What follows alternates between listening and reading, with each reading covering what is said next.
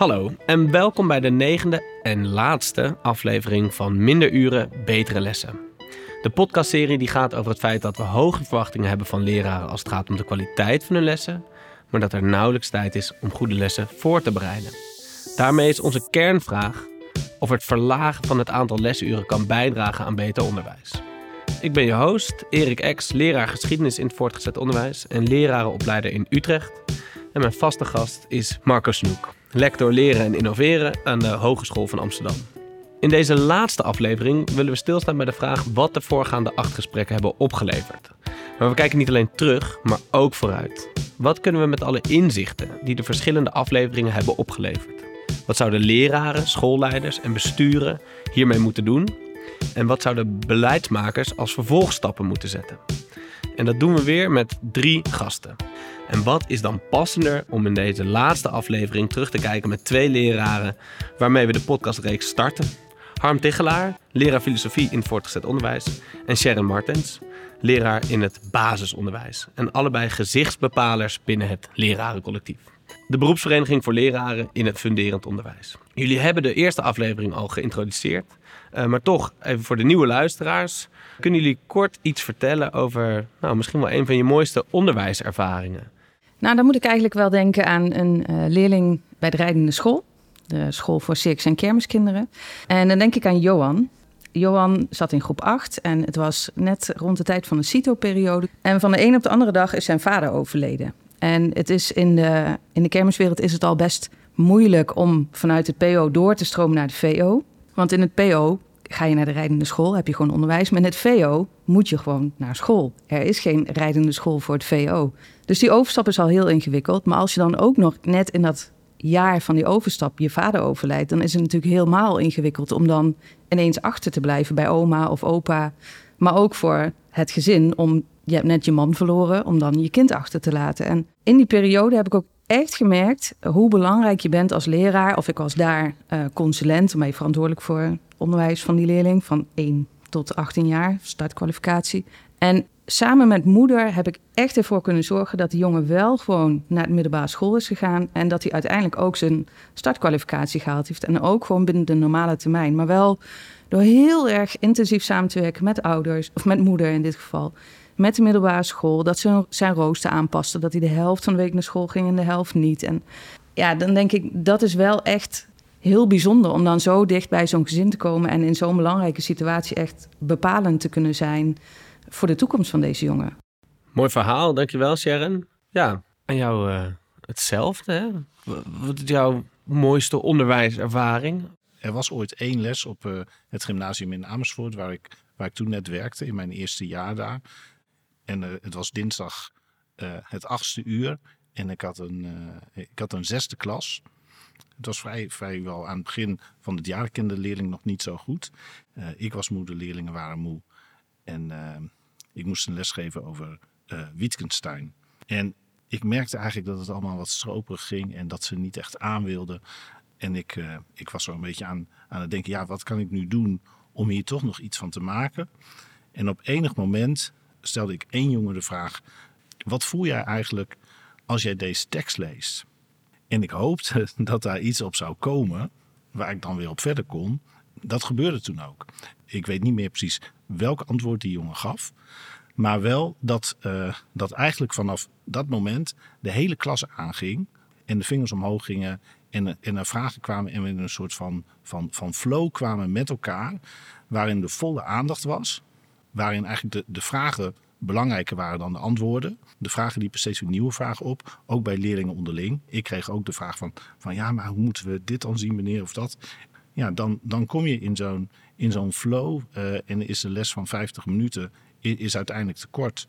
Uh, leerlingen die gaan dan uh, die gaan al praten naar buiten. Sommigen wilden zelfs niet weg. Die, die bleven nog doorvragen.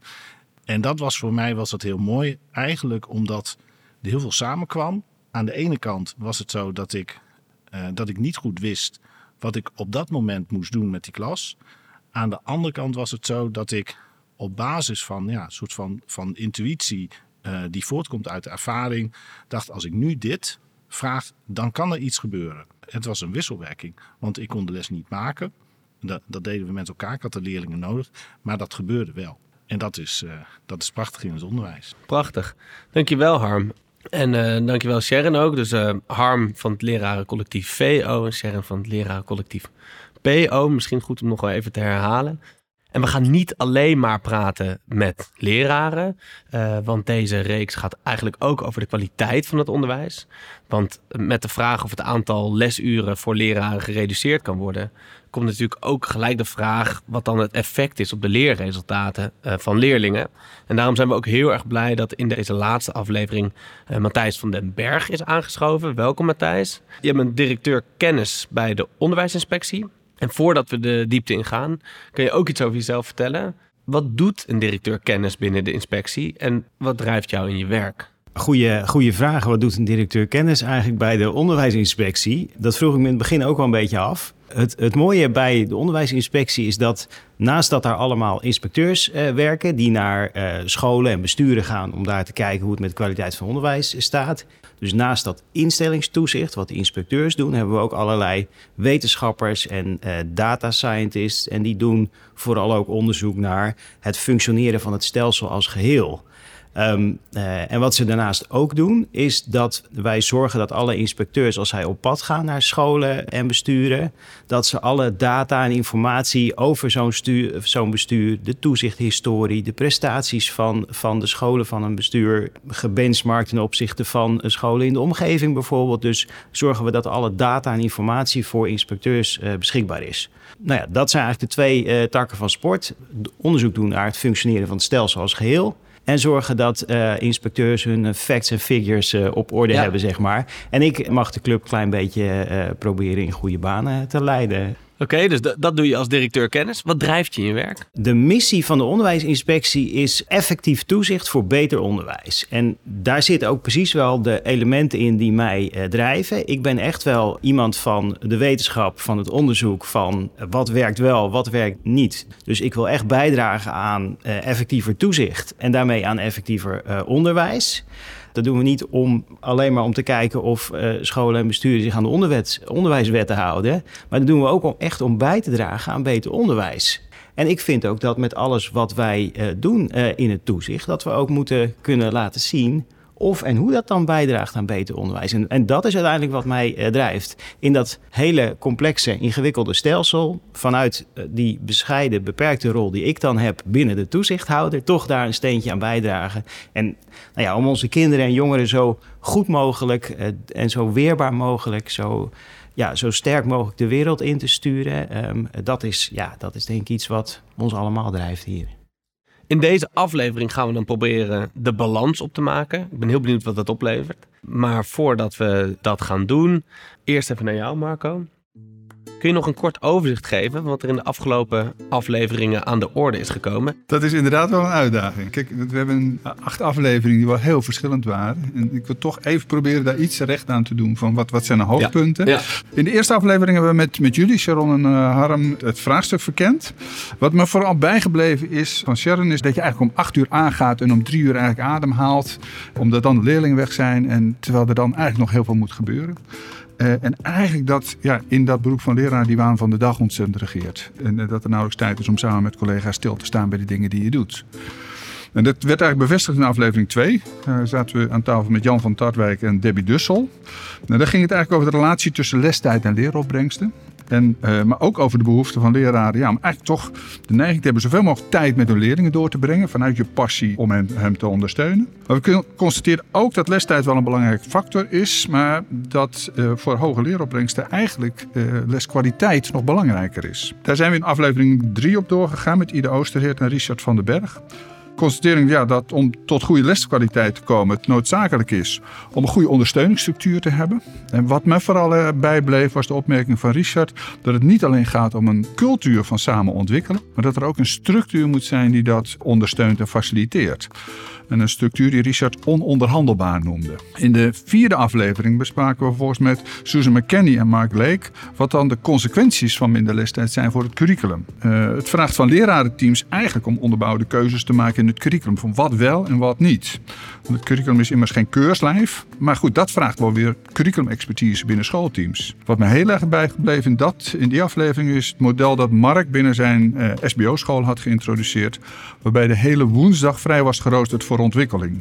En dat creëerde niet alleen tijd voor leraren, maar ook rust voor leerlingen. Aflevering 5 proberen we een tussenbalans op te maken met Daniel van Middelkoop, Marielle Bakker en Jan-Paul Beekman. Kern van het gesprek was het handelingsvermogen van onderwijsprofessionals om goed werk te leveren.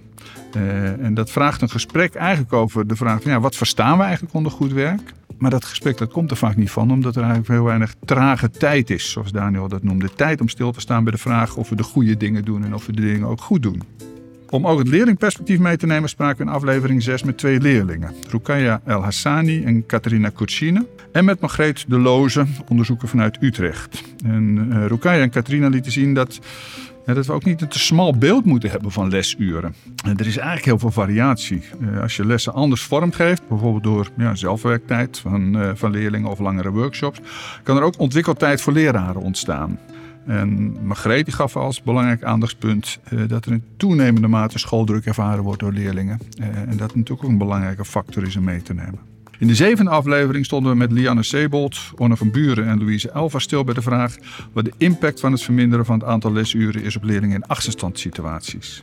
Centraal was wel een soort gevoeld onvermogen bij in ieder deze twee leraren om ja, hoe, hoe kan je nou goed bijdragen aan die ontwikkelingskansen van kinderen? Eigenlijk de, de, frustratie dat je ervaart dat je eigenlijk leerlingen niet voldoende ondersteuning kan bieden waarvan je denkt dat ze dat nodig hebben. En daarbij is meer voor, voorbereidingstijd eigenlijk belangrijker dan lestijd in hun ogen. En daarbij kan uh, extra ondersteuning van leerlingen ook vorm krijgen door andere experts van buiten de school in te zetten. Nou, en dat thema hebben we tenslotte in de achtste afleveringen, uh, aflevering dieper uh, verkend met Roel Spits, Helmke Hofman en Berdien Meijberg. Centrale vraag was van kan je ook tijd voor leraren creëren door andere experts in te zetten bij het leren van leerlingen? Die, die mogelijkheid lijkt er te zijn, maar dat was denk ik voor mij gewoon belangrijk inzicht. Dan moeten die andere experts wel nauw verbonden zijn aan de school. En eigenlijk beschouwd worden als een deel van het team, als onderdeel van de schoolvisie en niet als tijdelijke passanten. Want anders kost het leraar alleen maar meer tijd om hen te begeleiden en de kwaliteit te borgen. En als je nu naar die verschillende afleveringen kijkt, Sharon, wat heeft jou dan verrast? Wat heeft je aan denken gezet? Ik wil eigenlijk voornamelijk ingaan op iets heel positiefs, wat me positief verrast heeft. En dat is eigenlijk de aflevering waar Mark Leek vertelde over zijn school SBO, VSO, waar die knip in de week kwam. En waar ik het meest onder de indruk ben, is dat dat echt een onderwijsinhoudelijke keuze is geweest. En met het onderwerp van deze podcast uh, zette me dat heel erg aan het denken. Want als wij, stel dat we nu aan het einde van de aflevering tot de uh, conclusie komen van, nou ja, weet je, dat zou goed zijn, minder lesuren, zodat we meer kunnen ontwikkelen, heeft het dan nog steeds dezelfde uitwerking als bijvoorbeeld op de school van Mark? En toen ging ik ook weer verder denken en toen dacht ik, hé, maar die adempauze waar het over ging, dat we die niet hebben, die is eigenlijk nog veel groter dan ik me ooit beseft heb. Want bij de rijdende school waar ik werkte, had ik die adempauze. Want die kermis die is in het weekend, die is van zaterdag tot en met dinsdag meestal. En op woensdag gaan al die mensen, al die kermisexploitanten, gaan overrijden. Dus ook de school, de vrachtwagen, gaat overrijden. Dus ik had een hele dag, en die kinderen komen af en toe een paar komen er binnen druppelen, maar de school begint pas donderdag. Dus ik heb in, in die twaalf jaar dat ik daar gewerkt heb, zei ik altijd, gekscherend, ik, ik heb het gevoel alsof ik twee keer weekend heb. Maar ik werkte wel vijf dagen, maar ik, het voelde alsof ik twee keer weekend had. Omdat ik die hele dag gewoon lessen kon voorbereiden of werk wat ik van die vorige kermis nog niet had kunnen doen, had kunnen afmaken. Ondanks dat dat een enorm moeilijke wereld is, want je hebt eigenlijk iedere week andere leerlingen, groep 1 tot en met 8 bij elkaar. Dus iedere week die eerste schoolweek waar iedereen zo tegenop ziet, die heb je daar iedere week. En toch voelde dat niet zo, doordat die knippende week er was. Maar ik hoor je eigenlijk ook zeggen van zou zo'n keuze zou een onderwijskundige keuze moeten zijn. Want dat, dat is hetgeen waar je zo onder de indruk van was. Nou ja, en om, om het goed vorm te geven. Want stel dat we nu uh, uh, dat minister Wiersma gaat bepalen van weet je, dit moeten alle scholen gaan doen. Hoe gaat dat er dan uitzien? Ja. Als dat niet vanuit de onderwijsinhoud die keus gemaakt wordt. Vanuit kwaliteit van onderwijs. Harm, hoe is dat voor jou? Wat, wat heeft jou verrast? Wat heeft je aan het denken gezet? Ja, toen ik alle afleveringen nog eens, uh, nog eens terugluisterde. Toen was er iets wat mij op zich niet heeft verrast, maar wat we wel aan het denken zetten. er zijn talloze voorbeelden van initiatieven op scholen of binnen besturen om uh, aan de slag te gaan met dit vraagstuk en andere grote vraagstukken in het onderwijs. En dat zijn initiatieven die gebeuren in teams en dat gebeurt over het algemeen, denk ik, met bevlogen mensen en met enthousiasme en met een wil om het onderwijs beter te maken. Maar wat er eigenlijk ontbreekt, is een gedeelde visie. En dat is een gedeelde visie in het land, zou ik eigenlijk willen zeggen, op wat nu eigenlijk goed onderwijs is. En waar je dus aan zou moeten werken. De initiatieven zijn nu vaak tijdelijk en ze zijn in scholen en, het is, uh, uh, en ze zijn in een team met mensen die zich daarvoor inzetten een aantal jaren. Maar de vraag die daaruit voor zou moeten komen, of eigenlijk die eronder ligt, is: wanneer is dat wat wij nu aan het uitproberen zijn, wanneer is dat goed? En is dit iets waar we dus met z'n allen op door zouden moeten gaan of niet? En dat hele vraagstuk over wat nu eigenlijk goed onderwijs is en hoe wij uh, de kwaliteit van het onderwijs in Nederland in de school uh, beter zouden kunnen krijgen. Ja, ik heb het idee dat, dat het daar te veel ontbreekt aan, aan richting en ook vaak aan een norm. Wanneer, wanneer is het goed? Wanneer moeten dingen beter? Hoe kunnen scholen van elkaar leren? Hoe krijg je de professionele cultuur in elke school? Niet in een aantal scholen, maar echt overal. Hoe gaan wij met elkaar kijken naar dit is de kwaliteit van onderwijs en hoe, hoe komen we daartoe? Ja. En dat is iets waar ik al langer over nadenk, maar dat kwam ook weer op toen ik de prachtige voorbeelden hoorde in deze podcast. Waar is de gedeelde visie en hoe, hoe werken we daar met z'n allen aan? Ja, nou, als we het over de kwaliteit van onderwijs hebben, komen we makkelijk uit bij Matthijs, bij de inspectie, denk ik. Ik kan me voorstellen dat jij op een hele andere manier eigenlijk hebt gekeken naar, naar deze podcast, naar deze gesprekken, hebt geluisterd. Wat heeft jou verrast? Wat heeft jou aan het denken gezet? Ja, nou, ik, weet, ik weet helemaal niet of ik op een heel andere manier uh, heb geluisterd hoor. Dat, dat, ik heb natuurlijk wel de aflevering geluisterd vanuit mijn rol in het, in het onderwijsstelsel. Nou ja, de toezichthouder, maar ook wel geprobeerd te luisteren als, als ouder, als, als medeburger. En een van de dingen die mij wel opvielen in de serie, ik vind het overigens een ontzettend rijke serie. Uh, en als je de titel uh, eigenlijk hoort, minder uren, betere lessen, dan, dan denk je, dat, dat is een vrij smal frame, zeg maar. Maar in al die gesprekken zijn zoveel van de belangrijke thema's en dilemma's en uitdagingen die in het onderwijs spelen, zijn aan bod geweest. Een van de dingen die mij trof was eh, dat het vak van leraar ook wel eenzaam kan zijn. Ik las ook ergens het woord isolement, eh, zeg maar. En ook in de verschillende gesprekken kwam ook het diepe verlangen naar boven om ook veel meer samen te doen. Bij elkaar te kijken, ehm, samen te ontwikkelen, samen te evalueren. Um, en dat daar eigenlijk veel te weinig ruimte en tijd uh, voor is. En dat dat dan niet alleen om die uh, kloktijd uh, gaat, hè, de, de chronos, maar dat het ook juist om die trage tijd, die kairos-tijd uh, gaat. En dat is iets waar iedereen die druk is en, en, en geen tijd heeft om even pas op de plaats te maken, daar verlangt iedereen naar. Maar ja, dat trof mij hier ook wel. En wij herkennen dat overigens wel in ook de onderzoeken die wij als onderwijsinspectie doen dat die, uh, nou ja, die ruimte voor professionalisering, voor gerichte uh, ontwikkeling, om dat samen te doen, intervisie bij elkaar, dat is, ja, het is zo cruciaal, maar dat je dat ja, eigenlijk uh, meer zou, zou willen doen, dat dat kan bijdragen aan kwaliteit van onderwijs, ja, dat is wel duidelijk. En een van de vragen is natuurlijk, hoe komen we daar? Maar als ik het ook betrek op, op mijn eigen rol, uh, ik doe ook aan intervisie. Ik laat mensen ook meekijken. Ik had van de week nog een directeur van een andere Rijksinspectie, liep een dag met me mee. Aan het eind van de dag ging hij vertellen wat hij van mijn werk vond. Super spannend, maar wel heel erg uh, leerzaam. En je steekt er enorm van op. En ik denk, en dat is ook een van de boodschappen van de, de staat van het onderwijs van uh, dit jaar, dat wij ook zeggen, besturen, schoolleiders hebben ook echt een verantwoordelijkheid om daarin te investeren. Om die gerichte professionalisering, uh, vakmanschap, om dat te ondersteunen, te faciliteren. Dat daar ruimte voor komt om, en dat zijn soms helemaal niet hele ingewikkelde uh, programma's of uh, maar iets simpels als een les uh, opnemen en terugkijken. Iets simpels als samen dingen ontwikkelen of voorbereiden, intervisie doen, zijn eigenlijk heel eenvoudige acties, maar ik denk dat die heel veel waard kunnen zijn. Ik ben worden getriggerd door wat nou, jullie eigenlijk alle drie zeggen. Matthijs, jij, jij begon eigenlijk bij je eigen introductie van ja, ik ben met een aantal dingen bezig als directeur kennis, onder andere met dat stelsel. En Ik hoor Sharon eigenlijk zeggen van nou, die, die, die trage tijd die eigenlijk in die structuur van die rijdende school zit. Van die ene dag dat je eigenlijk tijd hebt om, om aan de slag te gaan. Vergelijkbaar met dat, dat van Mark. Daar zit dus in die structuur zit iets waardoor eigenlijk die trage tijd haast afgedwongen wordt. En ik hoor Harm hoor ik zeggen van ja, ik zie voorbeelden van initiatief. Op allerlei plekken zijn mensen, mensen bezig met dingen, proberen dingen. Maar waar ik heel erg tegenaan loop is dat het organiseren van die trage tijd eigenlijk niet in die structuur van het onderwijs zit. Die structuur die, die zuigt eigenlijk iedere keer dingen weg. En dat betekent dus dat je heel bewust dingen moet gaan organiseren. Dus een, een oproep naar besturen van organiseer die professionalisering nou is voor mij eigenlijk een oproep om ga nou nadenken over hoe je daar structuren op kan creëren die dat mogelijk maken.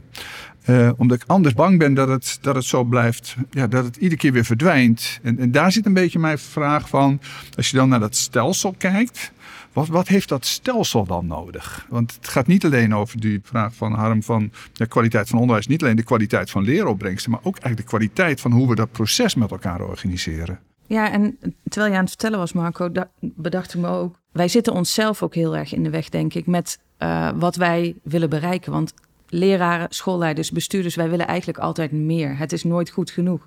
En dat eigenlijk in de positieve zin van het woord. Want ook bij mijn voorbeeld van de rijdende school, daar was op een gegeven moment het streven van: hé, hey, maar weet je, als we nu die school om acht uur s ochtends plaatsen. Stel je voor, ik ga vanaf Graven naar Groningen om onderwijs te geven. Hè, dus maak de rekensom maar hoe laat ik dan moet vertrekken. Uh, maar dan kunnen die kinderen die er al wel zijn, kunnen alvast om negen uur beginnen. En weg is je dag. En daar is dus ook ontzettend veel weerstand tegengekomen, omdat je juist die dag had om al dat werk te doen. En ik denk dat dat in heel onderwijsland gebeurt en dat wij altijd het nog beter willen. Die leraren, die, ik weet hun namen even niet meer, maar die zeiden: Ik ga toch wel vaak met een ontevreden gevoel naar huis.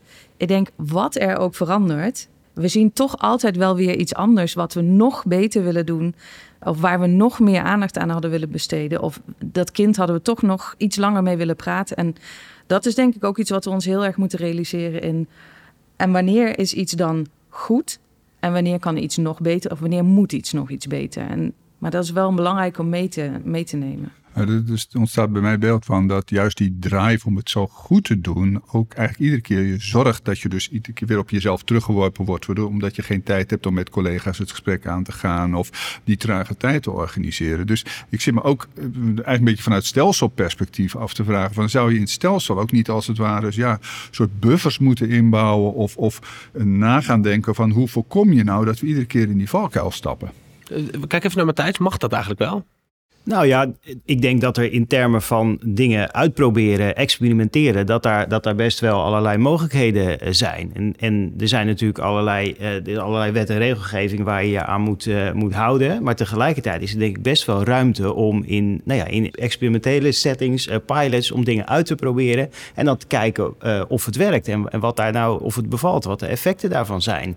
En ik denk dat met dat die mindset van, van laten we nou dingen uitproberen en kijken wat daar het effect van is. Nou ja, dat, dat we dat veel meer kunnen doen. En dan inderdaad zijn er allerlei experimenten, zeg maar, of, of, of goede initiatieven die overal in het land uh, gebeuren. Maar leren we dan ook op systeemniveau, wat zijn daar dan de effectieve elementen in? Of de dingen die we, die we uit, uit de NS1 uh, willen, willen trekken, zeg maar. En dan weet ik niet of, of per se regelgeving tegen zit dat je dat, je dat soort uh, dingen uitprobeert. maar de vraag is dan wel, wat, wat helpt dan? En ik ben eigenlijk, zit eigenlijk zo simpel in elkaar, als je dat nou niet precies weet Ga het dan met elkaar uitproberen. En een, een fatsoenlijk een onderzoek in de Nederlandse setting naar een, een variant om nou ja, meer ontwikkeltijd te krijgen uh, uh, en daarmee minder onderwijstijd. En dan te zien en goed te kijken wat dat met kwaliteit doet. Heb je van tevoren over nagedacht wat je begrip van kwaliteit dan, dan is met elkaar. En ook te kijken wat dat dan met leeropbrengsten uh, doen. Op het moment dat je zegt dat weten we eigenlijk niet, maar we hebben wel het idee dat daar behoefte aan is en dat dat goed zou zijn, dan moet je volgens mij met elkaar uh, bedenken hoe gaan we dat regelen. En volgens mij eh, in, in experimentsettingen, volgens mij is het helemaal niet zo dat dat per se tegengehouden wordt. Nou, en wat zijn de voorwaarden om aan zo'n experiment te beginnen? Want ik kom nu terug bij de rijdende school. Uh, de ene leerling gaat daar in het reisseizoen van 1 april tot 1 oktober 100 dagen naar school, de ander 120 en de ander maar 80. Maar ze moeten wel allemaal diezelfde einddoelen behalen. Dus dan moet je als leraar of als consulent in samenwerking gaan kijken wat kun je binnen die tijd aanbieden. Dat vraagt een enorme expertise.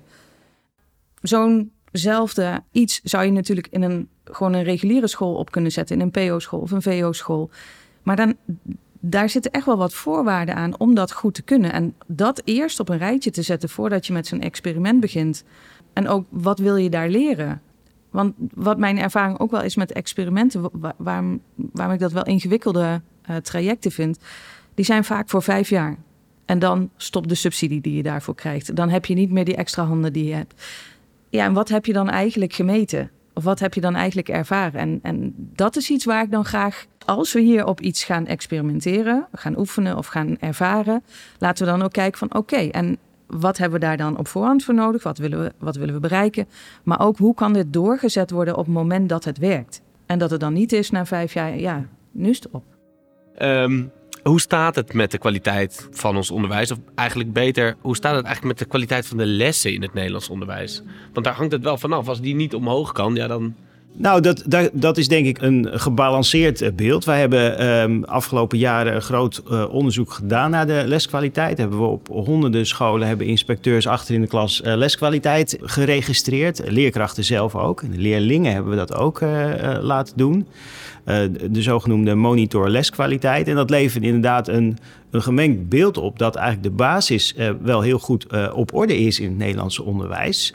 Uh, als je het hebt over klassenmanagement en de rust en, en structuur om tot leren te komen. Maar dat als je kijkt naar differentiatie, gericht aandacht geven aan, aan kinderen die verschillende dingen nodig hebben, dat daar, nou, dat werd door de inspecteurs achter in de klas niet altijd teruggevonden in de klas. We hadden in dat onderzoek een aantal elementen op een rij gezet waarvan de wetenschap aan heeft getoond dat dat elementen zijn die, die, die bijdragen aan effectieve lessen.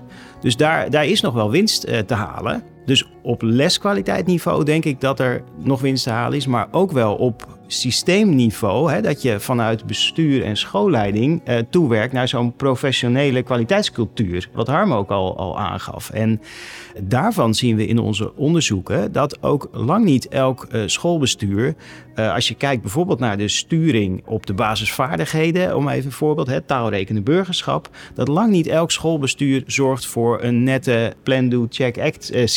Eh, iets heel simpels, maar dat hè, wat begint bij gerichte doelen stellen, de analyse maken, de juiste interventies doen, evalueren, doelen weer bijstellen. Dat, dat, dat zo'n professionele kwaliteitscultuur, wat, je, wat jij ook noemde, dat zien we lang niet bij alle schoolbesturen terug. Dus je ziet dat de basis op zich wel op orde is, uh, maar een aantal wat complexere zaken niet. Dat zie je zowel voor het VO als het PO. Ja, eigenlijk wel. Er zitten wel wat verschillen. We hebben het onderzoek inderdaad in het PO gedaan, VO en ook in het uh, SO. En daar zitten wel wat nuanceverschillen, maar mm. de, dit is wel de grote lijn uh, daarvan. En dat moet je natuurlijk ook wel zien tegen het licht dat wij ons wel al een aantal jaren wel zorgen maken over het dalende niveau van basisvaardigheden, van ja. taal en rekenen van leerlingen in, uh, in Nederland. Nou ja, en dus, dus dat is ook de reden waarom je zegt van ja, daar zou je toch een trendbreuk weer in willen, in willen zien. En daar zijn dan een aantal dingen voor nodig. En uh, dat begint uiteraard uh, in de klas, want daar is waar onderwijskwaliteit uh, tot stand komt, zeg maar, in de interactie tussen de leerkracht en de leerlingen. Ja. Maar het gaat ook door tot het systeem en, en de kwaliteitscultuur waar besturen en schoolleiders een verantwoordelijkheid in hebben. Oké, okay, laten we even naar Sharon en, en Harm gaan. Herkennen jullie dit, Harm? Ja, ik denk het wel. Ik denk dat, dat, dat het heel erg belangrijk is dat wij uh, als leraren, om erbij stil te staan, dat, dat, dat, dat hetgene wat we doen in de les, dat dat niet, dat dat niet altijd uh, iets nieuws moet zijn of iets, iets creatiefs of iets anders.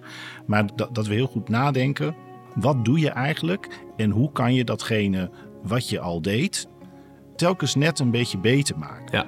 En als het daarbij zo is in de professionele cultuur in de school. Maar ja, ik zie dat ook graag breder in het land. Dat we weten wat, wat werkt eigenlijk. Hoe, hoe, maak je, hoe maak je je les efficiënt en effectief? Hoe kan je dan die basis die, die gelukkig uh, blijkbaar goed is, hoe kan je die met kleine stappen beter maken? In plaats van steeds helemaal nieuwe dingen proberen of een structuur omgooien. Daar is volgens mij nog heel veel uh, winst te boeken, omdat je dan met elkaar deelt wat werkt. En dat je ook met elkaar de verantwoordelijkheid voelt om het langzaam steeds een beetje beter te maken.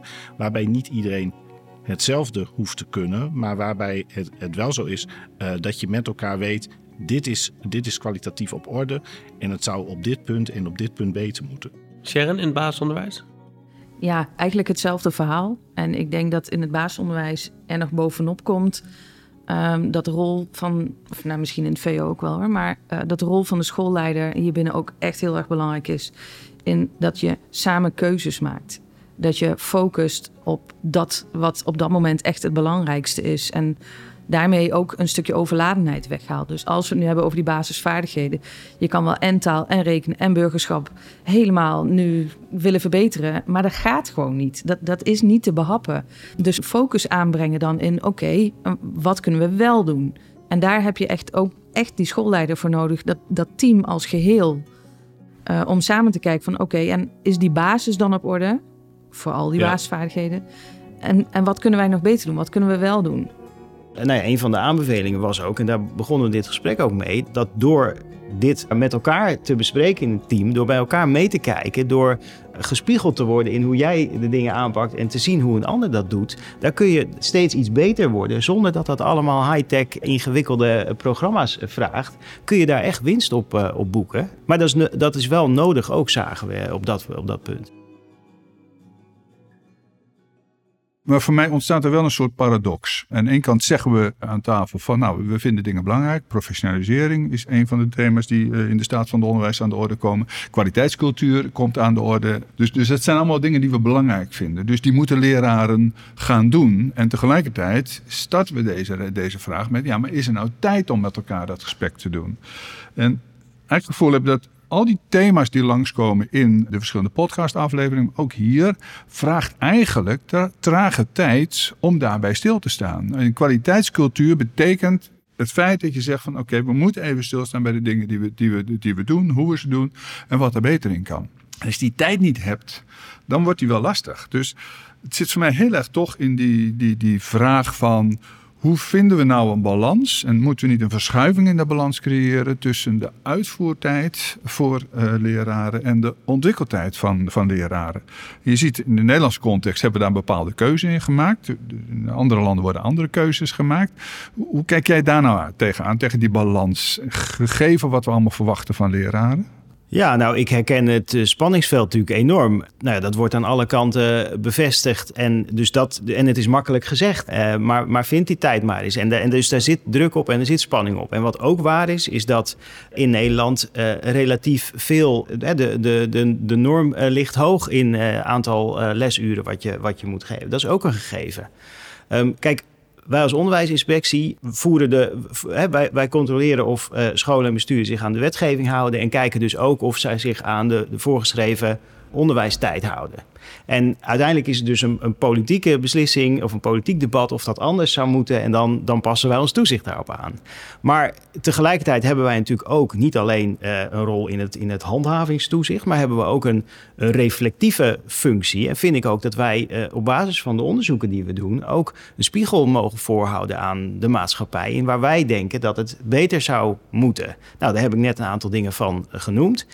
En ja, in het dilemma wat jij uh, schetst, dan ja, denk ik niet dat, dat, uh, dat ik, hoe moet, je het, hoe moet je het zeggen, evidence in handen heb van als je nou het een mindert en het ander meer doet, wat, nou ja, dan zou het een stuk beter gaan. Ik herken het dilemma wel en vandaar dat ik zou zeggen van zorg dat we hier op een goede manier dan experimenten kunnen doen en, en daarvan leren als systeem en dan niet van die tijdelijke dingen die weer aflopen en dan, dan, dan loopt de energie weer weg, maar da, daar met een goed voor opgezet plan. En wat ik ook wel uh, zie is van er is wel tijd voor professionaliseren. Er wordt van alles gedaan. Er zijn even in mijn perspectief als uh, ouder. Wij worden thuis, mijn vrouw en ik, regelmatig overvallen. Dan is er weer een studiedag. Dat is een hele dag. En dan heb je volgens mij van alles te doen en vast een, ongetwijfeld een vol programma. Maar het is wel een hele dag waar, waar, ja, waarvan je met elkaar ook zou kunnen kijken. Hoe kun je die dag nou zo effectief mogelijk uh, inzetten? Hoe kun je die zo goed mogelijk voorbereiden? Hoe kun je daar ook zorgen dat daar ruimte voor trage tijd is, uh, inderdaad. En voor die reflectie en, en in de visie die je graag zou, uh, zou willen zien. Er, er, is relatief veel tijd die onze uh, leerkrachten in Nederland aan professionalisering besteden. En tegelijkertijd hebben we de constatering dat nou ja, dat niet tot, nog per se tot de, altijd tot de gewenste effecten leidt. Nee, maar dat is natuurlijk interessant dat we dat eigenlijk niet weten. Want er gebeurt heel veel op scholen, ook in, in tijd die leraren krijgen om te professionaliseren, uh, ofwel individueel of in teams. Maar wat er dan gebeurt in die scholen overal gezien, dat weten we eigenlijk niet. En het is ook aan de, aan de scholen zelf om dat vorm te geven. Dat is op zich goed. Maar als je echt eh, scherp in beeld wil krijgen, wat is, wat is de kwaliteit waar we aan werken, dan zou daar best wel wat meer sturing op kunnen zitten. Uh, hoe, je, hoe je die kostbare tijd invult. Ik vind dat eigenlijk heel vreemd dat, dat, dat, we, dat, dat we daar zo weinig een gedeeld overzicht en een gedeelde norm in hebben. En ik vind het ook jammer, omdat ik denk dat het, dat het leraren ook heel erg zou kunnen helpen in hun professionele ontwikkeling en ook de rust zou kunnen geven, uh, omdat ze weten, dit is iets wat ik nu goed kan, of in elk geval voldoende kan. En dat geeft me rust om op andere zaken te focussen. In plaats van dat je altijd maar bezig blijft met: is dit wat ik nu doe wel voldoende? Ik krijg ook wel een beetje de kriebels van beeld van, nou, dat moet vooral bij uh, schoolleiders en bestuurders en misschien het ministerie komen. Ik denk, ja, juist ook vanuit een lerarencollectief zou je verwachten van dat leraren daar zelf ook een hele belangrijke rol in hebben. Ik heb het gevoel dat we, en misschien ben ik daar veel te naïef of te optimistisch op, maar dat we voortdurend neiging hebben toch vanuit hiërarchieën te denken van dat een bovenlaag stuurt op een onderlaag. Terwijl ik denk van, is het niet juist ook aan leraren met elkaar om te zeggen van wat vinden wij nou eigenlijk onze normen? In plaats van te denken dat dat vanuit bestuurders moet komen of vanuit het ministerie. Dus ik denk, daar hebben leraren zelf toch ook een ongelooflijke verantwoordelijkheid in. Ja, zeker. En ik, uh, ik, ik ben er ook heel erg voor dat, dat leraren dat zelf doen. Maar wat ik wel merk, dat het best wel vaak ontbreekt aan een idee naar welke norm streven we eigenlijk als, als leraar. Het is ook zo dat we, dat we ook wel makkelijk terugvallen in uh, het verhaal van ja, maar dit is mijn professionele autonomie. En uh, in een van de podcasts is ook genoemd, uh, vaak is professionele autonomie is professionele eenzaamheid. Nou, en daar komen deze zaken eigenlijk samen. Um, dus ik denk dat we dat als leraren zelf moeten doen. Maar ik denk ook dat, uh, dat het een samenspel is van onderaf en van bovenaf. Waar streven we eigenlijk met elkaar naar? Ik denk dat het vooral ook gaat om richting geven. In uh, waar ligt de focus? Dus bijvoorbeeld als we nu zeggen van het masterplan basisvaardigheden. Uh, de focus is nu taal. Dat het eigenlijk gewoon voor elke bestuurder, elke schoolleider, elke leraar, elke onderwijsassistent, iedereen die in die school is, dat het heel helder moet zijn. Wat doen wij op deze school, in deze klas, aan taalonderwijs? Wat doen wij al goed? Wat zijn onze verbeterpunten en hoe gaan wij daar de komende periode mee aan de slag? En nu zijn wij met zo ontzettend veel dingen bezig. Allemaal en allemaal met goede bedoelingen, maar niet allemaal met hetzelfde. En dat is denk ik waar het voor mij om gaat als ik zeg van vanuit de overheid moet meer sturing komen. Dat is denk ik richting geven. En dan is het aan de professional in de klas om dat op een goede manier vorm te geven. En dat moet niet zijn dat wij allemaal maar zelf bepalen hoe we dat doen, maar vanuit professionaliteit. En daar ligt inderdaad een hele grote rol voor de beroepsvereniging. In, in mijn uh, kennismakingsgesprek met de minister heb ik ook gezegd: volgens mij moet het erom gaan dat we samen ieder ons eigen werk gaan doen. En de minister heeft daar een verantwoordelijkheid. De bestuurder heeft daar een verantwoordelijkheid. De schoolleider, de leraar, iedereen in dat hele stelsel. Maar wij zijn te veel losgetrokken van elkaar. En wij menen allemaal ons eigen werk te doen, maar stiekem zeggen we ook allemaal of doen we iets wat eigenlijk van een ander is. Zijn we ook heel goed in naar elkaar wijzen. Of als het niet goed gaat, dan is het ineens plotsklaps de, de verantwoordelijkheid van die ander. En ik denk dat wij veel meer samen moeten komen om ieder ons eigen werk te doen. En bijvoorbeeld een van de dingen waarin voor mij heel duidelijk werd, was de verbeter aanpak passend onderwijs. Die is opgesplitst in drie delen. Dit moeten de bestuurders doen, dit moeten de scholen doen of de leraren en dit is voor de ouders. Nee, dat zijn alle punten die daar staan, zijn voor allemaal samen. En die kan je niet uit elkaar trekken. Maar je moet wel voor elk punt beschrijven wat is ieders verantwoordelijkheid. Matthijs, jij wil nog iets op zeggen? Ja, ik, ik, ik loop nog niet zo heel erg lang in de onderwijswereld rond. En daarvoor heb ik best een lange tijd in de wereld van volksgezondheid en gezondheidszorg uh, rondgelopen. En de verschillen, soms ook overeenkomsten, die vallen mij best wel uh, op. En, en juist ook die visie op kwaliteit, die gedeelde, gedeelde visie, ook vanuit de beroepsgroep, vanuit de, de politiek, vanuit de, het beleid, zeg maar. En, en daarmee ook vanuit de toezichthouder. Dat is in het onderwijs natuurlijk echt anders met artikel 23, vrijheid van onderwijs. En dat, is, ja, dat maakt de context waarin we met z'n allen ons werk moeten doen echt heel anders. En dat is natuurlijk een heel typisch Nederlands systeem, is verder nergens anders. Uh, heeft ook allerlei uh, voordelen. Um, uh, het is nu eenmaal zoals het nu is. maar de, ja, de keerzijde is natuurlijk wel dat als je naar, naar die gezamenlijkheid zoekt, dat dat vanuit nou ja, die, de vrijheid die er is, dat daar een spanning op zit. En als je dan bijvoorbeeld kijkt naar iets simpels als proberen met elkaar een klein beetje evidence-informed te werken. Ja, dat is een discussie die we in de zorg 30 jaar geleden achter ons gelaten hebben. Toen kwam dat begrip op en toen uh, riep iedereen, hoe, dat doet af aan de autonomie van de dokter. En dan wordt het maar kookboekgeneeskunde. Die discussie is natuurlijk beslecht, want een goede dokter die heeft zijn eigen ervaring en zijn eigen kennis. Die kijkt naar de behoeften en de, en de voorkeuren van een patiënt. En die gebruikt als het goed is, nou niet als het goed is, dat is gewoon, is die verplicht om ook de stand van de wetenschap uh, te gebruiken. Gelukkig maar. Stel je voor dat die dokter zou zeggen, uh, nou er is vrijheid van zorg en uh, ik, ik kijk wel. Nee, natuurlijk niet. Dat is ondenkbaar. Nou, als je dan dat projecteert op de discussies in het onderwijs, dan viel het mij wel op toen ik, toen ik in dit veld bewoog. Nou ja, eerst als, als ouder van kinderen en, nou ja, en nu dus als toezichthouder. Ja, dat die gevoeligheid rondom die discussie over evidence-informed werken, die, die, die, die is hier nog helemaal in de beginfase eigenlijk. Terwijl het zou toch zo normaal zijn dat als je zegt met elkaar, als we streven naar verbetering, als we streven naar kwaliteit, naar effectiviteit dat betekent niet dat je autonomie van een uh, professional inperkt. Het betekent alleen maar dat je die autonomie versterkt. Je geeft meer mogelijkheden. Uh, je kijkt naar je eigen ervaring, naar je eigen kennis, naar je eigen voorkeuren, naar de context van, van de klas of de school of, de stichting waar jij over gaat. En daar neem je ook mee dat wat we uit het verleden geleerd hebben uit, uh, uit allerlei onderzoek. Dat lijkt me zo logisch. Ja, en daarmee heb je, heb je denk ik ook dat het idee dat al heel snel in, in onderwijsland bestaat van er wordt van alles opgelegd uh, vanuit Den Haag, dat, dat je dat wegneemt. Omdat er nu eenmaal uh, nodig is dat een instantie een norm of, of een sturing aanbrengt in contact met anderen. Maar, maar, maar wel dat, we, dat, dat het duidelijk is, hier werken wij met elkaar aan. En dat zijn niet de bestuurders tegenover de leraren of de vakbonden tegenover het ministerie.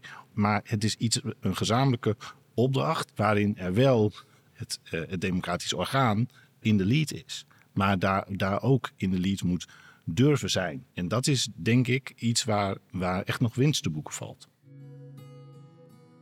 Laten we, laten we op zoek naar een, uh, een antwoord op de hoofdvraag. Is het mogelijk om meer ontwikkeldheid voor leraren te creëren door het aantal lesuren van leraren te verminderen, zonder dat dit ten koste gaat van onderwijskwaliteit? Ja, wat is nu gewoon jullie antwoord op deze vragen? Het is vast wel wat meer dan een simpel ja of nee. Maar toch, kan dit of niet? Wat denk jij, Sharon? Ik denk dat het zeker kan, maar dat het alleen zou moeten als het uh, vanuit dat kwaliteitsvraagstuk, dat onderwijsinhoudelijke vraagstuk ingezet wordt. Dus wat, wat ga jij dan anders organiseren in jouw school om daadwerkelijk die kwaliteit van onderwijs te verbeteren. En niet alleen maar, oké, we hebben nu vier dagen lesdagen voor, de, voor de leerlingen en één dag voor de leraren. En uh, die is voor professionalisering, samenwerking. Maar dat je daar dan ook echt iets op organiseert met echt een lange termijn plan. Met, met, nou ja, met zo'n cyclus waar Matthijs het net over had. En dat er echt een idee ja. achter zit. Moet elke school dat zelf uh, verzinnen? Of uh, moet daar een soort uh, landelijk kenniscentrum zijn die dat een soort aanstuurt? Of hoe zie je dat voor je? Nou ja, dat, dat vind ik wel mooi dat je dat vraagt. Want wat ik nog echt nog een uitdaging vind voor, voor het hele onderwijsstelsel. Er zijn ontzettend veel goede initiatieven. Bijvoorbeeld nu het Onderwijsnetwerk Amsterdam, ONA. Daar gebeuren ontzettend mooie dingen.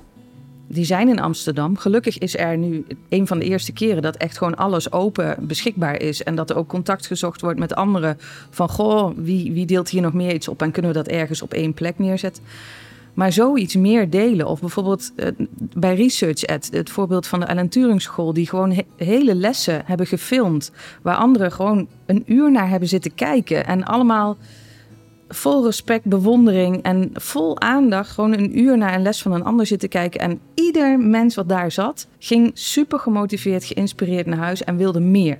En dan denk ik, als we toch wat meer ruimte of tijd of geld of wat daarvoor nodig is om die initiatieven groter te maken, uh, zodat andere scholen daarmee aan de slag kunnen, dan denk ik, volgens mij kun je daar heel veel mee winnen. Ja, nou, het is, het is echt heel interessant. Hè? Want Harm, jij zei net, we weten soms niet wat nou precies onderwijskwaliteit is. En daar kunnen we heel lang eh, over praten. Maar dan zit iedereen te kijken naar een les en dan kan iedereen zeggen, oh ja, dat is het. Dat, dat, dat, vond ik heel opvallend aan dat, uh, aan dat research ad verhaal. Dat mensen daar gewoon zaten te kijken, oh ja, dit is een goede les. Hier wordt heel veel geleerd. En dat wist men gewoon gelijk. Zonder dat je daar heel veel ja, verder gesprek over hebt. Klopt dat, dat beeld van, uh, van Sharon? Of kijk jij daar als leraar in het VO toch anders tegenaan? Ik denk ook dat het, uh, dat, dat het best mogelijk is om, uh, om kwaliteit van onderwijs te behouden uh, als, je, als je snijdt in, in onderwijstijd. Hmm. Maar ja, eigenlijk ook zoals Sharon dat al zei, ligt daar het kwaliteitsvraagstuk onder. En moet je dus eerst heel goed met elkaar nagaan welk, welke dingen doen we dan in elk geval wel en hoe doe je ze goed en welke dingen doen we niet. En dat is, voor zover ik dat kan overzien, maar dat is, is, is ook heel erg beperkt tot mijn eigen vak. Uh, is volgens mij best mogelijk dat we, dat, dat we kijken. Nu, nu hebben we in het vak filosofie bijvoorbeeld uh, vijf domeinen. Maak daar vier van. Uh, breng, breng onderwijstijd terug. En combineer dat met, met aandacht en, en scholing, professionele ontwikkeling. Op hoe geef je goed les. Want het mooie aan het voorbeeld waar, waar we het zojuist over hadden van Research Ed en Alan Turing. Wij kunnen wel herkennen, dit is een goede les. Maar wat is er nou gedaan om dat tot zo'n goede les te maken? Nou, als we uh, daar ook op inzetten en daar, uh, daar moeten we met elkaar over nadenken tot op het hoogste niveau in Den Haag en vanuit leraren in de wisselwerking daartussen, dan is het volgens mij best wel mogelijk. En dan levert het misschien nog wel meer op dan dat we, dat, dat, dat we nu zouden kunnen voorzien. Matthijs, voordat ik naar jou ga, eerst Marco, ik ben heel benieuwd. Wat is jouw antwoord op deze vraag? Ja, Nee, ik, ik, ik, ben wel steeds meer overtuigd geraakt van de noodzaak om het aantal lesuren van, van, van leraren te verminderen ten gunste van ontwikkeltijd. Ik denk bijna al die thema's, als het gaat over kansengelijkheid, curriculumkeuzes, betere lessen, de vraag wat is, wat is onderwijskwaliteit, eh, het creëren van een kwaliteitscultuur, het terugdringen van die individuele autonomie van die leraar, vraagt eigenlijk dat je, dat je daar tijd voor hebt. Dus iedere keer kom je weer bij eigenlijk weer terug van ja maar, dat vraagt wel tijd om. Eh, en dat is ook een beetje wat uit Teacher Tab een aantal keren naar voren kwam. Uh, leraren die hebben ontzettend behoefte eigenlijk om meer tijd en vooral ook tijd om met collega's te werken. En tegelijkertijd, als ik naar, eigenlijk naar al die afleveringen kijk, ben ik wel steeds genuanceerder ernaar gaan kijken. Vooral naar de vraag of dat ook mogelijk is uh, zonder dat het ten koste gaat aan de, van de kwaliteit van het onderwijs. Voor mij heeft er, eigenlijk al die gesprekken wel zicht gegeven op wat nou essentiële condities zijn. Wil het niet leiden tot een soort verarming van het onderwijs. En die condities gaan bijvoorbeeld dan over het feit dat je het niet alleen over het moet hebben over het aantal lesuren verminderen, maar dat je ook moet zorgen voor structuren waardoor je samen ontwikkelen van beter onderwijs mogelijk maakt. En dat gesprek over kwaliteit van onderwijs en wat kwaliteit is. En het vraagt ook dat je, dat je expertise hebt ten aanzien van het ontwikkelen van onderwijs. Wat ook in ja, de leraren, initiële leraren blijkbaar beperkt aan de orde is. Dus je moet ook iets, doen aan expertiseontwikkeling van, uh, van, van teams. Dus ik, ik denk, je, moet, je kan het niet zomaar breed invoeren. Omdat je heel goed moet kijken van dat die condities op orde zijn bij de scholen met wie je dat, uh, dat zou willen doen. Dus je moet kijken van wat zijn scholen die eigenlijk mooie proeftuinen hiervoor zijn. En dan ontstaat ook een soort paradox. Omdat misschien de scholen die aan dat soort condities voldoen, het misschien wel het minste hard nodig hebben. En juist de scholen waar het problematisch is, eigenlijk heel erg hard die tijd nodig hebben om die ontwikkelstap te maken. Dus ik vind dat wel een hele, hele ingewikkelde paradox. Het risico dat eigenlijk de goede scholen dat je daar het experiment gaat doen, ja, nog beter worden. Terwijl juist de scholen die het hardst nodig hebben, ja, daar zijn de condities niet op orde. Nou, dan zijn we natuurlijk razend uh, nieuwsgierig naar jouw antwoord op deze vraag, Matthijs. Hoe zie je dit? Ja, ik, ik ben het eigenlijk wel eens met de vorige eh, sprekers dat, dat er wel aanleiding is om met elkaar te kijken naar hoe kunnen we de, de leskwaliteit, de onderwijskwaliteit gestructureerd, doelgericht nog, nog verder verbeteren. Of dat per se moet door onderwijstijd te verminderen, of dat de enige weg is, dat zou wat mij betreft, zegt de wetenschapper in mij, dan nog nader onderzoek eh, vragen. Wat in ieder geval denk ik goed is om te kijken, de bestaande ruimte die er, die er is, laten we die zo effectief en gericht mogelijk uh, inzetten. En laten we ook zorgen dat de verantwoordelijken binnen het onderwijs die daarop kunnen sturen, ook daar nou ja, hun rol in, in nemen. En dat is niet top-down, dat, dat is ook de bottom-up benadering. Het is en-en wat, wat mij betreft. En dus, dus dat is niet een simpel ja-nee antwoord uh, op, de, mm-hmm. op deze vraag, denk ik. Maar dat er een behoefte is of een, een wens om met elkaar nou ja, te werken op een, op een planmatige, steeds verder verbeterende manier, zeg maar, om onderwijskwaliteit te verbeteren. Dat is wel duidelijk uit ons gesprek wat wij uh, hebben. Um, en dat dat ook nodig is, ja, dat blijkt ook wel uit de verschillende onderzoeken die wij als uh, onderwijsinspectie ja. doen. Erik, wat vind jij? Kijk, ik denk dat het inderdaad uh, een goed idee is om te, te snijden in die tijd. Om, om te kijken van hoe kan het beter. Maar we moeten wel echt goed bedenken, hoe gaan we het dan beter maken? Hoe gaan we, want vooral vanuit mijn perspectief op het VO zie ik gewoon dat een heleboel mensen denken, ik ga het onderwijs beter maken in mijn circle of influence. En dat is, beperkt zich meestal tot de sectie soms nog binnen het team, maar daar eindigt het dan een beetje. En dat is gewoon, denk ik, niet uh, wat ons verder gaat helpen. Dus je moet dat structureren. Je moet daar een stukje, in ieder geval, gevoelde autonomie voor inleveren, denk ik. En uh, dat is wel spannend. Ja, hoe, hoe gaan we dat eigenlijk doen? Wat denk jij, Harm? Nou, we hebben het eerder in deze podcast al gehad over uh, over experimenteren en pilots. Ik denk dat, dat we vooral aandacht moeten hebben dat we, dat we niet uh, steeds weer iets nieuws gaan proberen uh, om te testen hoe dat is. Maar dat we eigenlijk vol inzetten op hoe, hoe vergroten we de kwaliteit van het onderwijs in elke school. Ja. En wat kunnen leraren en wat kunnen scholen daarin van elkaar leren. Ja, dat vraagt denk ik meer dan pilots. Maar dat vraagt om een, om een volle focus van het van het onderwijs als geheel. En dat vraagt dus ook om, om sturing en normering. En we hebben het ook eerder gehad over ja, dat, dat, dat dat lastig is in het onderwijs, omdat we al snel raken aan, aan professionele autonomie van de, uh, van de leraar. Of, of artikel 23 zelfs hebben, hebben we het over gehad. Maar ik denk dat, uh, dat juist door in te zetten op uh, professionaliteit van de leraar, de, de autonomie van die leraar wordt versterkt. In plaats van dat hij daarop inlevert. Uh, dus als daar de focus op gaat, hoef je het niet met pilots te doen, maar werken we gewoon met elkaar stap voor stap aan, aan verbetering van de kwaliteit. Sharon?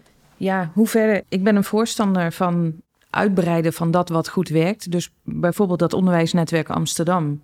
Hoe kunnen we dat eigenlijk gewoon dekkend krijgen in Nederland en in alle sectoren? Daar ben ik een voorstander van, want ik denk dat dat het meeste effect heeft, omdat het gaat om alle lagen in het hele onderwijsstelsel. Het stukje van elkaar leren. En verder, als je dan echt over de hele korte termijn hebt, denk ik dat het heel goed is dat binnen elk bestuur, elke onderwijsprofessional morgen en de rest van het schooljaar nadenkt over: oké, ik ga in die spiegel kijken. Wat is voor mij een goede les? Hoe is de onderwijskwaliteit in mijn klas, in mijn school, binnen mijn bestuur? Hoe staat het ervoor? Wat gaat goed? Wat gaat beter? En dat gesprek met elkaar voeren en daar een plan op maken voor het komende jaar. En ik kan me eigenlijk niet voorstellen dat dat niet gebeurt, maar dat we daar wel nog een keer goed over nadenken. Ook met dat wat we uit uh, het inspectierapport horen. Nog een keer goed over nadenken van oké, okay, ik ga er weer even opnieuw naar kijken met alles wat ik gehoord heb, met alles wat ik gelezen heb en met elkaar in gesprek daarover. Marco, hoe gaan we verder? Ik denk van ja, volgens mij is het heel hard nodig om toch op dit specifieke thema van onderwijstijd stappen te zetten. Volgens mij bewijs je er niemand een dienst mee om die hete aardappel voor je uit te schuiven. En uh, creëer je ook alleen maar uh, lange lopende frustratie bij een heleboel leraren, denk ik. En tegelijkertijd zitten er een heleboel veronderstellingen onder. Van ja, maar werkt dat dan zo? En wat betekent dat dan voor condities en dergelijke? En daar hebben we nog niet definitief antwoord op. Dus ik ben het eigenlijk wel eens met, met, Matthijs van ja, je moet eigenlijk een aantal heel gecontroleerde experimenten doen. Waarin ja, voorzichtige stappen belangrijk zijn. Paar is met een gevarieerd aantal scholen, verschillende achtergronden, verschillende contexten, die heel goed ondersteunt en monitort. Uh, je kan natuurlijk zeggen, ja, dat is een vorm van experimenteren met kinderen. Maar ik denk van ja, als je niks doet, dan is het onder, wordt het onderwijs er ook niet beter van. En ik denk dat dan ja, ontzettend belangrijk is dat de inspectie gewoon heel goed meekijkt. Niet om te controleren, maar juist om te kijken wat, wat, wat kunnen we daaruit leren. Om vervolgens dan met ervaringen, vooral die scholen die ermee bezig zijn, ruimte te geven om door te gaan. Maar vervolgens ook langzamerhand die groep scholen dan uit te breiden, stap voor stap Omdat je dan ja, heel erg kan kijken van wat zijn dan de condities die je creëert in schoolcultuur, in schoolstructuur, die daarvoor nodig zijn. En daar, daar heeft in mijn ogen deze reeks wel een heleboel handvatten voor gegeven. En dat zou dan interessant zijn om dan nog een vervolgreeks te maken met elkaar. Om dan te praten over de voortgang van al die uh, experimenten. Hè? En misschien, ik zou er dan nog wel voor zijn om dan vanuit die gedachte minder uren, betere lessen. Als we nou dat minder uren, wat het altijd een beetje ingewikkeld maakt, nou, even weghalen in die nieuwe serie. Dan gaan we het vooral hebben over hoe komen we nou met elkaar tot nog steeds betere uh, lessen. En in dat verband wil ik ook nog wel uh, het programma Ontwikkelkracht uh, noemen. Dat is ook wel een beetje bedoeld. Daar zit heel veel geld in vanuit het Groeifonds. Om juist ook zo'n lerende cultuur op scholen. Je kunt je daar als school voor aanmelden. Dan word je een, een onderzoek- en ontwikkelschool in het kader van Ontwikkelkracht. Dat moet zich allemaal nog gaan bewijzen, maar daar is een heel ja, programma voor ingericht. En daar zou komende tijd ook best wel het een en ander uit kunnen komen, wat juist ook op, via een andere route, maar wel antwoord geeft op de vragen die, die jij ook stelt, uh, Marco. En daar zouden ook prima verbindingen ge, gelegd kunnen worden, zonder dat je dan denkt, oh, we gaan weer een hele losse reeks nieuwe experimenten doen. Tegelijkertijd gaat voor mij eigenlijk die stap hoe verder nu over van, maar hoe creëer je daar ook condities voor die dat ook faciliteren? En dan ja, kom ik even weer terug bij wat we in het begin zeiden eigenlijk over die systeemkwaliteit. Het creëren van goede condities voor scholen is ook een onderdeel van je systeemkwaliteit. En nou, dat we dat niet in één keer uh, over het hele land uh, kunnen doen. En misschien ook niet uh, iedere school die dat wil, maar dat je het voor een aantal scholen gaat kijken van nou, kunnen we dat, daarmee experimenteren en wat levert dat dan op? Dat zou in mijn ogen wel een hele waardevolle zijn. Oké, we gaan aanbevelingen uh, doen aan het eind van deze reeks. We willen een eindrapport maken, toch Marco? Waarin we de, ja, de inzichten eigenlijk uh, gaan samenvatten. Het gaat dan komen tot een aantal aanbevelingen. Doe eens een voorzet, alle drie. Als je denkt aan aanbevelingen, en voor wie? Nou, een, gewoon een hele fijne, makkelijke. We hebben net het voorbeeld van Research at Ellen Turing met de voorbeeldles. Daar zijn leraren die zich heel kwetsbaar hebben opgesteld door hun hele les te laten filmen. Dus die filmpjes staan niet openbaar uh, om voor iedereen te bekijken. Maar ik zou heel graag met de Ellen Turing School of met welke goede voorbeelden er dan ook zijn, uh, in gesprek gaan van hé, hey, maar hoe kunnen we dan dat wat werkt bij jullie, uh, hoe, hoe kunnen we dat groter maken? Dus bijvoorbeeld als lerarencollectief met hen in gesprek gaan over juist die vraag die Harm straks stelde van, maar we, we weten allemaal dat dat een goede les is, maar waarom is dat dan een goede les? En wat maakt dat dit een goede les is geworden? Dat je dat kan gaan delen en daar, dus ik heb eigenlijk niet een aanbeveling, maar een vraag. Wat kunnen we doen om te zorgen dat dat wat jullie in de afgelopen jaren gedeeld hebben of geleerd hebben, dat dat bij meer scholen kan landen? Duidelijk. Nog meer aanbevelingen? Nou ja, ik denk dat waar we het eerder over gehad hebben, de aanbeveling aan besturen en schoolleiders om uh, nou ja, echt regie te nemen en sturing te geven aan die professionele kwaliteitscultuur uh, op een school en binnen een schoolbestuur. En om daar op een, op een goede manier de regie in te nemen, dat op een goede manier te faciliteren, zodat leerkrachten zich kunnen professionaliseren, dat ook starters de goede begeleiding krijgen, daar ook ruimte en tijd voor, voor hebben. Daar zou mijn aanbeveling op gericht zijn. Ja. Aan wie? Deze aanbeveling die richt zich dan tot, tot schoolbesturen en, en schoolleiders, denk ik. Mijn aanbeveling is dat we in dit vraagstuk voortdurend oog blijven houden dat dit een vraagstuk is ja, waar we naar moeten kijken vanuit de inhoud van het werk van de leraar. Omdat je er ook al heel makkelijk naar kan kijken van ja, dit is een stelselvraagstuk of dit moet vanuit systeem worden benaderd en dit heeft een arbeidsvoorwaardelijke kant en daar moeten we dan naar kijken en het heeft iets met het, leraar, het leraartekort te maken. Maar iedere actor in dit vraagstuk, of dat nou een leraar is, een bestuurder of de minister, ga steeds terug naar, dit is een vraagstuk vanuit de inhoud van het werk van de leraar en wat is vanuit die inhoud nodig om, uh, om met het vraagstuk om te gaan en, uh, en daarover besluiten te nemen. Daarmee zijn we denk ik aan het eind van de laatste aflevering gekomen. En aan het eind van deze podcastreeks. Eens, Marco? Eigenlijk hebben we nog een tiende in het vooruitzicht, maar dan niet zozeer als podcastaflevering, maar als een soort slotsymposium. We hadden het net al even over dat er een eindrapport zou komen eh, met aanbevelingen. Eh, en onze ambitie is op woensdagmiddag 24 mei een slotsymposium te organiseren. Waarin we nou, juist met een bredere groep dan alleen de gasten die we in deze aflevering aan tafel hebben gehad, leraren, schoolleiders, bestuurders, beleidsmakers, in gesprek gaan over die aanbevelingen. En ja, ik nodig jullie, maar ook luisteraars heel graag uit daarvoor. En je kan daar de informatie over vinden uh, op de website www.hva.nl slash minder uren betere lessen. Fantastisch. Um, Harm, Sharon, Matthijs, uh, hopelijk zien we jullie daar uh, weer terug. Bedankt voor jullie bijdrage aan deze aflevering van de podcastserie Minder uren, betere lessen. Fijn dat jullie naar de studio wilden komen om samen deze balans op te maken. Deze podcastreeks is mogelijk gemaakt door het Center of Expertise Urban Education van de Hogeschool van Amsterdam en geproduceerd met een subsidie van het Nationaal Regieorgaan Onderwijsonderzoek NRO. Bij deze afsluiting is er een speciaal bedankje op zijn plaats voor Ina Seivat, programmacoördinator binnen het Center Expertise uh, Urban Education van de HVA. Ik kan uh, gerust zeggen dat zonder jullie werk op de achtergrond deze podcastreeks totaal onmogelijk zou zijn geweest. Voor wie dat het allermeest geldt uh, is voor Marco Snoek, die hier naast mij zit. Die toch echt, denk ik, zoveel werk in deze podcast steekt. En uh, dat ook nog zelfs gaat doen op die laatste dag. Dus Marco, ik wil jou ook echt van harte bedanken. Wat fijn dat je al die tijd hier naast mij hebt gezeten. Dankjewel Marco. Deze aflevering en alle andere afleveringen van deze podcastreeks blijven beschikbaar via www.havia.nl slash minderuren betere lessen. En uh, je kan ze ook bereiken via de podcast app waar je nu waarschijnlijk ook naar zit te luisteren. Um, dankjewel. Ik ben Erik Ex en ik wens je nog een prettige dag.